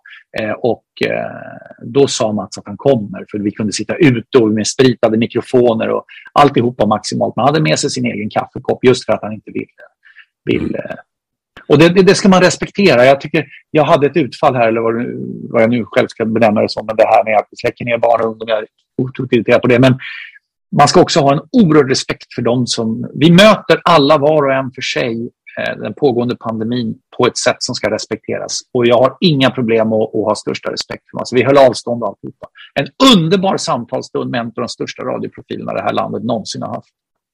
Ja, du får, du får gärna förmedla. Jag skulle gärna vilja prata med han också någon, någon gång eh, här. Men... Ja, du skulle kunna fördjupa dig i många frågor med Mats och, och, eh, och komma en god bit på väg i ditt, i ditt eget funderande. Sen ska jag säga så här, jag håller ju inte med honom om, om, om, om särdeles mycket. vi, vi, vi, har en del saker givetvis, men, men rätt mycket kan vi sitta och dividera om också. Så Men det ger väldigt mycket. Och igen, lyssna på en annan åsikt är, är, är sällan fel. Mm. Han berättade någon, jag tror att det var i Sporthuset, när han kommenterade Wimbledon utan att de hade tillstånd att direkt referera när han liksom mm. häng, mm. så här, tjuvkopplar någon telefon och i princip är på taket utanför hytten ja. så att ingen ska se att han kommenterar. Jag tror till och med att det var Björn Borg va? Ja, US Open var det Björn Borg, stämmer. Ja, mm. ja US Open var det. Men då ja. blir han påkommen också. Det är, mm. Nu är inte Tommy med, så vi vet inte vilket avsnitt av Sporthuset är. Så ni får helt enkelt lyssna på alla avsnitt. vilket ni borde göra. Det finns, det finns en bild, ska jag bara säga det? Förlåt, jag avbryter. Nej, kör. Eh, jo, men det finns en bild på Mats Strandberg i USA Today, en av de största, eh, där han står för han ville ändå kommentera. Nu minns jag inte vad han hette, den där killen i brun kostym som gick och kollade att han inte sände direkt. Sveriges Radio vägrade betala sändningspengar, eh, sändningsrättighetspengar. Så Strandberg klättrade alltså, precis som du beskriver, och du tänker högst upp på läktaren, klättrade han över den översta delen, för där var en avsats med, med, med staket och grejer på så man kunde stå där. Mm. Men det var inte gjort för, för någon publik och så, men det gick att stå där. Och då har han alltså dragit en lång telekabel. Så han står och håller telefon, gammaldags telefon så här som man, en, så det var ingen mobil, men en gammaldags en telefon. Nummerskiva alltså? Så. Nummer, precis, exakt, mm. exakt, exakt. En sån håller han i ena handen och så ser man sladden då och så håller han luren vid höger, eh, höger öra och, och, och vid näbben där på den sidan. Då. Och så står han på tå för att sträcka sig upp och se. Så han ville liksom, för att komma undan från den här som skulle slänga på luren och såg Strandberg jobba. Och där står han och kommenterar. Bilden är tagen underifrån med god skärpa. Och så står det i bildtexten bara eh, Swedish Radio Reporter. Vad han än tjänar är det inte tillräckligt. Nej, det är sant. Det är helt ja. sant. Det är grymt. Du, visst, jag stannar på Sporthuset lite. Eh, det är alltså en podcast som startades av dig Tommy Åström och Jens Fjällström om jag inte missminner mig. Mm. Eh, hur blev det så? Eh, vi hade produktionsbolag på den tiden och Björn Alverfelt eh, som jobbade med produktionsbolaget då, en, en, mycket, en, en, en mycket god eh, filosofisk person, en tänkare. Också underbar att ha snack med. Han gillar Fantomen på Operan som jag. Men i alla fall, han var med och, och designade det från början också. Vi ville liksom gå in i det. Pod, podcast var väl på väg där och hade väl rullat något år säkert och var rätt populärt. Så vi ville liksom slå oss in i det också. Och det var från produktionsbolagets sida från början. Och det var Tommy, eh, det var Jens och jag och Björn och ibland Lovisa Hjärta som ju numera är på SVT, som, eh, som körde det där. Och eh, eh, när vi, produktionsbolaget lades ner, Björn Arvefelt slutade, så levde podden ändå vidare. Och det, det är, är numera eh, absolut, eh, jag ska säga till 100 procent designat av Tommy eh, som, som driver den där eh, podcasten vidare. Men jag är med kanske varannan vecka eller någonting sånt i någon form av snitt. I den här panelen då, så Tommy är alltid med och sen kan det vara Jens eller jag ibland tillsammans. Camilla Enström, Thomas Johansson, Miro Salar, eh, Irma Helin. Eh, så det blir liksom en, eh, ett kartotek utav, utav eh, människor som utgör den här panelen och pratar om eh, dagsaktuella frågor, gör, dyker ner lite grann i historien också i de här mm, kärleksbombningen till någon, någon, någon företeelse eller arena eller person och olycksbombning av dito och så vidare. För där håller ju du väldigt sällan igen med dina åsikter. Det finns ju ett segment som heter Lasse lackar ur som, som ja, ja. No, någon gång kanske det har varit något forcerat, men oftast känns det som att det kommer rakt från hjärtat. Ja, det, det men det, så, det är ju i snacket och Tommy lägger ju på den där gingen Lasse lackar ur eller vad den heter I efterhand, efteråt. Så jag ja. vet inte riktigt när han gör det och inte. Men, men visst, ja. Och ibland har jag lackat ur och han har klippt bort det och så där. Tommy redigerar ju podden. Men, men eh, absolut, jag, jag, och det är ju, där är ju min roll en annan. När jag är programledare till exempel för en SHL-sändning med Niklas Wikgård och Sanny Lindström säger vi i studion, eller vilka det nu är, så är det liksom inte mina åsikter som folk är särskilt intresserade av, utan det är ju vad säger experterna. Och då är det programledarens roll att få experterna, att de ska få utrymme att leverera sina åsikter och synpunkter på ett begripligt sätt och, och ifrågasätta åsikten eller vara djävulens advokat som, eh, som Tommy brukar säga, Åström. Så, att, så, att, så att, ehm, där är rollen en annan. Sporthuset är ju liksom, där är jag ju intagen för att tycka till. Vad tycker du om det här är ju ofta frågan. Och då mm. gäller det ju, det är ju, det är ju härligt att få ha en åsikt och en synpunkt. Exempelvis i det ämnet som jag, det kommer jag ta upp nästa vecka om jag får chansen, det här med barn och ungdomar exempelvis. Mm. Det är ju ingenting jag skulle säga som programledare i en sändning. Va? Men, eh, men eh, i, i podcasten får jag ju möjlighet att, att saluföra egen uppfattning. För du har varit väldigt tydlig nu när det gäller division 1-hockeyn och, och Hockeyförbundet. Alltså, eh, vad ska jag, jag borde säga? nej. Alltså, när det gäller, tydlig. Ja, men när det gäller Hockeyettan eh, och Boden och Karlskrona och hanteringen eh, i sak, där har jag faktiskt inte haft någon åsikt alls. Därför att, därför att eh, jag vet inte vad som är sant och inte och vilken part som är mer rätt eller fel än någon annan och så vidare. Utav vare sig Hockeyettan eh, eh som, som intresseorganisation eller de här individuella klubbarna.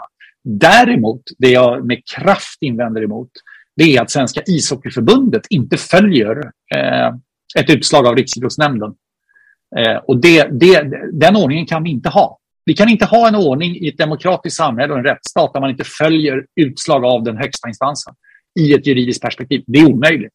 Så för mig är det obegripligt. Och jag, jag har blivit eh, approcherad av, av eh, hockeyfunktionärer som, som liksom har har eh, gått på mig i den där frågan och tycker att jag har helt fel på det. Men, men jag har fått tillbaka från dem sen efter en diskussion att, att eh, de förstår min åsikt och min uppfattning eh, och tycker att jag, att, att jag vet vad jag talar om. så att säga. Men grejen är så här, Riksidrottsnämnden, alltså idrotten har ju i staten Sverige så har ju idrotten en en, ett, e-, en, ett eget avtal där idrottsföreteelser får ske utan att staten lägger sig i. Eh, och jag tänker till exempel på merparten av 99,9 eh, procent av allting vi gör inom idrotten behandlas ju inom idrotten. Det finns enskilda undantag, till exempel Jakob Lilja som dömdes, eh, var det villkorlig dom eller var det dagsböter, det var både och kanske, som, för en crosschecking mot Jens Olsson. Han fick tio matcher i idrottens regelverk men han blev dessutom fälld utanför idrotten mm. eh, i tingsrätten. Men, men alltså det är otroligt ovanligt att det hamnar där. Utan generellt sett så avgör idrotten sina egna frågor. Och inom ramen för idrottsjuridiken så är Riksidrottsnämnden högsta domstolen. Deras utslag kan inte överklagas. Och när det gäller det här Hockeyettan-fallet så har de sagt till Svenska ishockeyförbundet, ni kan inte fatta sådana beslut som ni har gjort. Därför att det strider mot eh, Europakonventionen om föreningsfrihet och det strider mot svensk lag därför att Europakonventionen är svensk lag. Ni måste fatta ett nytt beslut. Det har Riksidrottsnämnden sagt till ishockeyförbundet. Och Hockeyförbundet gör inte det. Utan de går åt ett annat håll istället och säger nej men vi tycker ni har fel. Eh, våra jurister säger någonting annat. Och den ordningen menar jag, den kan vi inte ha. Och har vi den ordningen, vilket ligger på bordet just nu, då måste Riksidrottsstyrelsen eh, som alltså är vald av Riksidrottsmötet, det är kongressen, liksom, väljer en styrelse för att förvalta verksamheten mellan de olika kongresserna. De måste agera. Mm. De måste agera och säga till ishockeyn, ni får absolut göra så, men inte hos oss. För vi har order att följa Det är hela systemet bygger på det. Och därvidlag är jag mycket tydlig och jag står fast vid den uppfattningen att hockeyn måste ändra sig. Hockeyn måste helt enkelt fatta ett beslut i enlighet med då, eh, Riksidrottsnämndens eh, beslut. Så, så, så är det bara. Och gör inte Svenska ishockeyförbundet det, då måste Riksidrottsstyrelsen agera visavi Hockeyförbundet. Det ska bli väldigt spännande att se hur det här eh, spelar ut sig. Jag har liksom ingen skin in the game. Så jag, hör, jag håller med dig i mycket, mycket av det du säger, men jag, jag, jag driver inte frågan i, i min... Nej, nej, nej, men alltså, vi kan inte ha en ordning där vi inte följer eh, högsta instans beslut. Det är omöjligt. Alltså, då är vi inte en demokrati. Alltså, det, det, det är omöjligt. Däremot kan man ligga på och säga att ni måste ändra er. och, och, man skulle kunna säga så här att nej, men den här riksidrottsnämnden som har fattat det här beslutet, det, det köper vi inte. Vi kallar till ett nytt riksidrottsmöte och så kickar vi ut dem och väljer andra. Och de tar upp ärendet och avgör åt ett annat håll. Alltså det finns ju demokratiska eh, möjligheter om du vill göra det. Att ändra det? Ja, ja absolut. Då måste, då, då måste de ändra den. De måste ta upp frågan igen. Och, och, men grejen är ju så här, det är ju inte så att det är, det, det är liksom det, det är jag och, och, och grannen som sitter där super, superperson som jobbar inom låsbranschen för övrigt. Men ändå. Men alltså, vad fasken, nej men alltså vadå? Vi, vi, det här är ju höga jurister, hovrättsassessorer som, som är liksom kunniga på Europa, eh, EU-lagstiftning och som liksom är, alltså det är ju inga tomtar va? Så, så, så de, och de är ju helt fristående. De är ju valda av idrottsrörelsen för att fristående vara det högsta beslutande organet. Eh, och det, det gör att jag med all respekt för, för själva sakfrågan, för den, jag förstår att Det är kanske Hockeyförbundets, eller Hockeyettan övriga har rätt. Jag vet inte. Jag, jag kan inte det. Och jag, jag, jag, jag tar inte ställning där. Men jag säger att det går liksom inte. Utan vi får acceptera att vi måste följa Europakonventionen och svensk lag. Det är inte orimligt att idrottsrörelsen är underställd mm. Du, vi har pratat snart en och en halv timme. Eh... Nej, förlåt. Nej, det... Ja, det var inte bara jag, utan det var vi. Ja, förlåt. Ja, nej, det, var, det är nog mest du. Jag kan göra någon slags uträkning sen. Men du, ja. du är, törs man säga snart 60? Nej, det säger vi inte. Du är, du är en bit över 50. Ja, jag är 54, men, men in, snart 60 blir jag ju när jag passerat 55. Så jag har ett år kvar till att stämma in på den beskrivningen. Men jag är farligt nära. Hur länge orkar du hålla på? För du, har ju, det, du jobbar ju väldigt mycket vad jag förstår. Ja. Eh, har du någon tioårsplan? Nej, det har jag inte faktiskt. Eh, initialt skulle jag sluta 2020. Jag hade en diskussion om det. Då, då, då skulle jag ta uppehåll ett år. Och så skulle jag se om, om, om eh, uppdragsgivarna, uppdragsgivaren förlåt, tyckte att jag borde komma tillbaka eller inte. Men problemet är att det är så jäkla kul det här. Det, det, alltså det, och jag har en, igen, jag har en, det, är en, det är en sån, det är ett sånt förtroende att få hålla på i det gränssnitt vi har pratat om så många gånger i det snacket vi har haft här.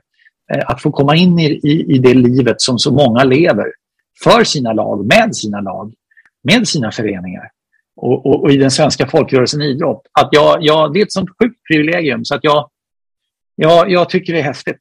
Och jag, jag håller gärna på så länge för mig är det oerhört viktigt att det inte blir för länge. Jag köper de som säger nicka av gubben Granqvist, han har varit med för länge, jag orkar inte längre. Och nu gör jag ju Champions League-kommentering. Hasse Back och jag åker runt i Europa. Och det var ett gäng i United, eller ett gäng, det var ett par stycken United-supportrar när Cristiano Ronaldo avgjorde för eh, Manchester United mot Villarreal på tilläggstid. De vände sent i matchen. Det var grym stämning på Old Trafford och så vidare.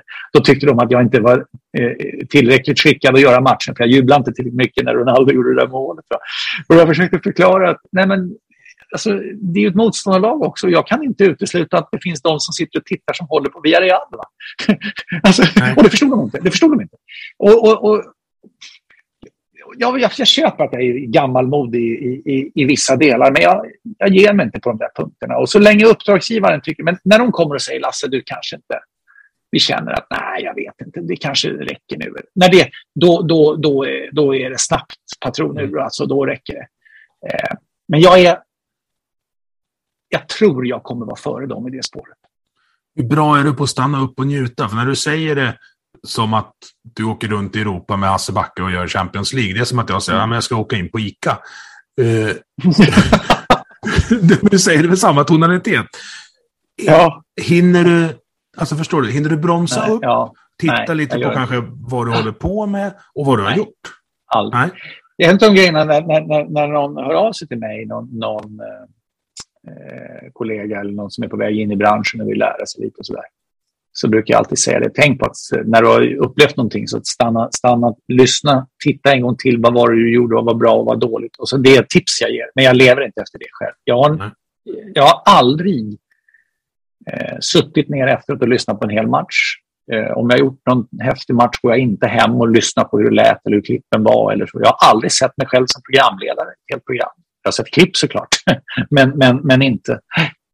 Och det, det, det, är en, det, är en, brist jag har, men jag är hela tiden i det där. Men hur ser det ut imorgon? Vad är nästa uppdrag? Mm. Och den, den, är, den är där hela tiden. Den är där hela tiden. Och, och det, ligger, det, det, är nog en del av hungern också. Var mm. aldrig mm. nöjd, utan gå vidare. Och mitt, mitt yrke är himla enkelt, därför att det enda jag behöver göra det är att nästa gång jag jobbar vara lite mer förberedd och lite mer noggrann än vad jag var senaste gången jag jobbade. Och då lyfter det ju hela tiden. Och då blir det ju till slut så jag är medveten om det. Till slut så blir det ju att det brister. Liksom. Eh, och då ska du, jag ju sluta. Du har på i 30 år, alltså det är ju... Det är, nu är vi, eh, ja, 33 alltså året eller 30, 34 året går jag ja, in på. Ja, över 30. Ja, det är länge. Det är länge. Ja. Plus och att då blir ja. lite, lite bättre. Men mm. det har, jag ska inte säga att det har kostat, men du har fått välja bort en del saker. Jo, men så är det. Eh, så är det. Men jag, och, och det är jag medveten om. Men jag gör, Numera gör jag ju bara, jag har ju bara ett kontrakt som säger att jag ska göra 50 jobb om året. Mm. Alltså, och då är ett programledarpass för en hockeylördag det är ett jobb eller en match i, i Champions League ett jobb. Så jag har liksom inte, jag har, och det är så hela kontraktet är uppbyggt. Och sen spelar det ingen roll om jag åker från bostaden och sätter programledare för en hockeytorsdagsmatch i, i TV4-huset och sen åker hem. Eller om jag åker iväg i Europa och är borta tre, fyra dagar. Det har liksom ingen... Utan det, det är bara de här. Men, men så det, det är inte så vansinnigt mycket eh, som jag hade förr. Jag hade 120 en gång i världen. Mm. Eh, och då var det mer jobb. Så det var inte så många jag, lediga helger då? Nej, det har inte. Men, mm. och, och därför är jag väldigt odramatisk inför alltså, någon fredagskänsla. Det, tycker jag, det, det kan möjligtvis vara för att nu kommer en härlig sporthelg. Liksom. Jag vet att det är mycket jobb. Eh, julhelgen innebär nästan alltid jobb annandag jul. Det tycker jag är härligt. Ja, så det, jag har inte... Ofta är man ledig i januari, februari för då, då är det liksom... Då, då, nu blir ju februari ännu mer speciellt eftersom det troligtvis blir SHL-spelare i OS. Då. Så, att, mm. så, att, eh, så att de får göra uppehåll i ligan. Så att det, det, det, det, det är så livet är. Ja. men någonstans är det klart att jag känner att men det viktiga är jag måste ha och kunna svara för mig själv för att ha, eh, ha, ha, ha den okonstlade, självklara passionen för det. Mm. Men jag, ser, jag åker med Hasse Backe, vi nämnde det nyss. Han, han fyller 70 år eh, när vi kommer in i februari nästa år. Och han säger till mig, Lasse, vilket, vad är det här? Vi hade en sån utvärderingsmöte med hur hösten varit med Champions League, alltså massa administrativa frågor och hur har vi jobbat och hur utvecklar vi oss och hur går vi vidare och alltihopa. Och vi brinner för det. Vi vill hela tiden bli bättre och vi utvecklar ett samarbete. Vi har inte jobbat så mycket ihop som man kan tro. Så vi, vi, vi liksom gnuggar med det. Eh, och då sa han så här, men vilket jäkla jobb alltså. Det här är häftigt. Mm. Och det, det, tycker jag är bra. Alltså, han har ändå tränat, varit assisterande tränare i Manchester City i Premier League. Han har varit eh, assisterande förbundskapten i Mexiko. Han har vunnit titlar i, i eh, ja, vad är det, Österrike och, och Danmark och Norge och vad, vad, vad jag kan. Överallt. Så, att, ja, men, så det tycker jag, USA, det tycker jag är, är det, det, det, det tankar på bränsle också för mig. Mm. Men det menar, så här, när du, om du stannar upp, är du nöjd med livet? Alltså, du har ju åstadkommit så många minnen för så många människor. Alltså, ja, det är nog inte så många fler än dig som, som, som har det CVt. Jag tror så här, en, en anledning till att hela tiden gå vidare och se till nästa dag, det är att eh, jag kanske inte skulle vara så glad om jag stannade upp och gjorde en total utvärdering av hela... Eh, alltså har det varit värt... Alltså borde jag inte istället ha eller varför är det inte... Eller jag, jag gör inte det helt enkelt. Men grejen är så här, jag, jag, den här resan den pågår fortfarande och jag, det, det har varit en... Alltså sen den där tiden, eh, som jag sa, komma in i det här kreativa klimatet på Radiosportens redaktion. Och det har varit fullständigt... Eh, eh det är superhäftigt. Det är superhäftigt. Och resan pågår fortfarande. Det är otroligt att kunna säga det, men det är faktiskt sant. Annandag jul, Linköping, Färjestad med Niklas Wikegård. Du kan ju själv tänka dig vilken härlig bilresa det blir. vi, hade, vi, hade, vi har haft några underbara resor också. Det är en, det är en rakt igenom fascinerande och härlig person, Niklas Wikgård. Alltså jag, vi åkte hem i pandemitid från Malmö, för då, det gick inte att stanna då, för allt var ju stängt och man fick väl knappt lämna bilen. Och ja, du kan nog. Lyssnaren kan alltihopa det där. Och, och de diskussionerna om, om, om, det djupet som finns i samtalet, det är, ja, det är väldigt, väldigt mycket. Ja. Jag vill nog avsluta med att bara liksom säga tack. Vet du det? Ja. Jag ja, funderade, när, när du fyllde 50 där så funderade jag på om jag skulle, skicka, om jag skulle ha spela in en kärleksbombning av dig och skicka in. Men det här det får bli, det får bli ett, ett stort tack. Alltså, jag vet inte hur ja, många gånger jag har lyssnat på Ja, men de här stora vi pratade om. 94 gånger 2 Hartwall ja. och, Berlin. Ja. Och Zlatans klack har vi inte ens ja. bedömt. Men du vet Emil, fortsätt, fortsätt lyssna och hör av dig när du har någon åsikt eller synpunkt. Utan, för vi vill alla bli bättre och vi lever alla i samma värld. Vi lever alla i samma, och kretsar kring samma saker om vi tillhör idrotten. Eh, och det är förbaskat fint. Och det är bara att höra av sig. Vi, vi, är, liksom på, vi, vi är ständigt på livets resa. Vet du.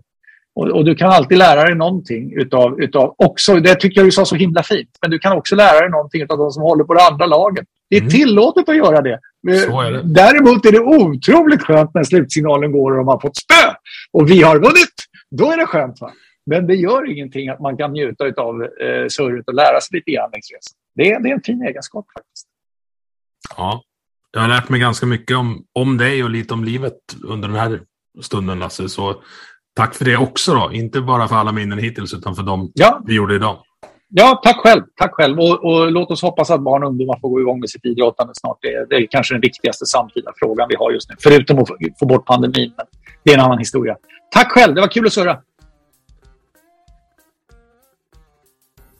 Du har lyssnat på Vi måste prata som produceras av mig, Emil Nilsson. Tycker du om det du hörde? Dela avsnittet med dina vänner och på sociala medier. Vill du stötta podden kan du göra det via Patreon där du hittar den på patreon.com snedstreck vi måste prata i ett ord. Eller så swishar du en slant till nummer 123 671 46 79. Vi hörs!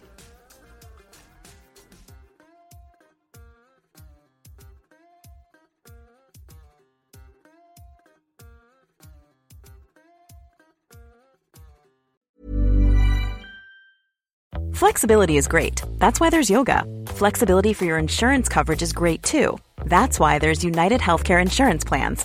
Underwritten by Golden Rule Insurance Company, United Healthcare Insurance Plans offer flexible, budget friendly coverage for medical, vision, dental, and more. One of these plans may be right for you if you're, say, between jobs, coming off your parents' plan, turning a side hustle into a full hustle, or even missed open enrollment. Want more flexibility? Find out more about United Healthcare Insurance Plans at uh1.com.